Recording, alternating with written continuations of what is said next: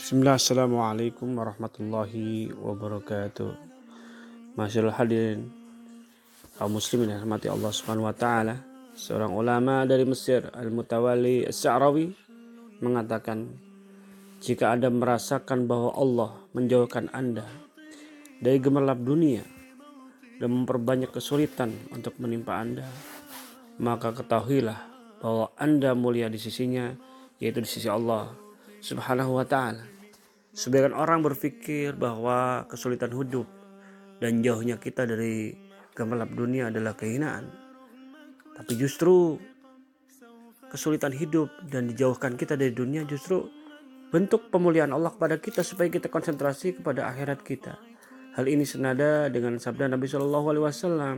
Fawallahi lal faqra alaikum. Demi Allah, bukan kemiskinan yang Allah khawatirkan atas kalian, walakin ahsya alaikum. Antum satu alaikum dunia. Tetapi aku khawatir akan dibentangkannya dunia atas kalian. Sebagaimana telah dibentangkan atas orang-orang sebelum kalian. Lalu kalian pun berlomba-lomba padanya sebagaimana mereka berlomba-lomba padanya.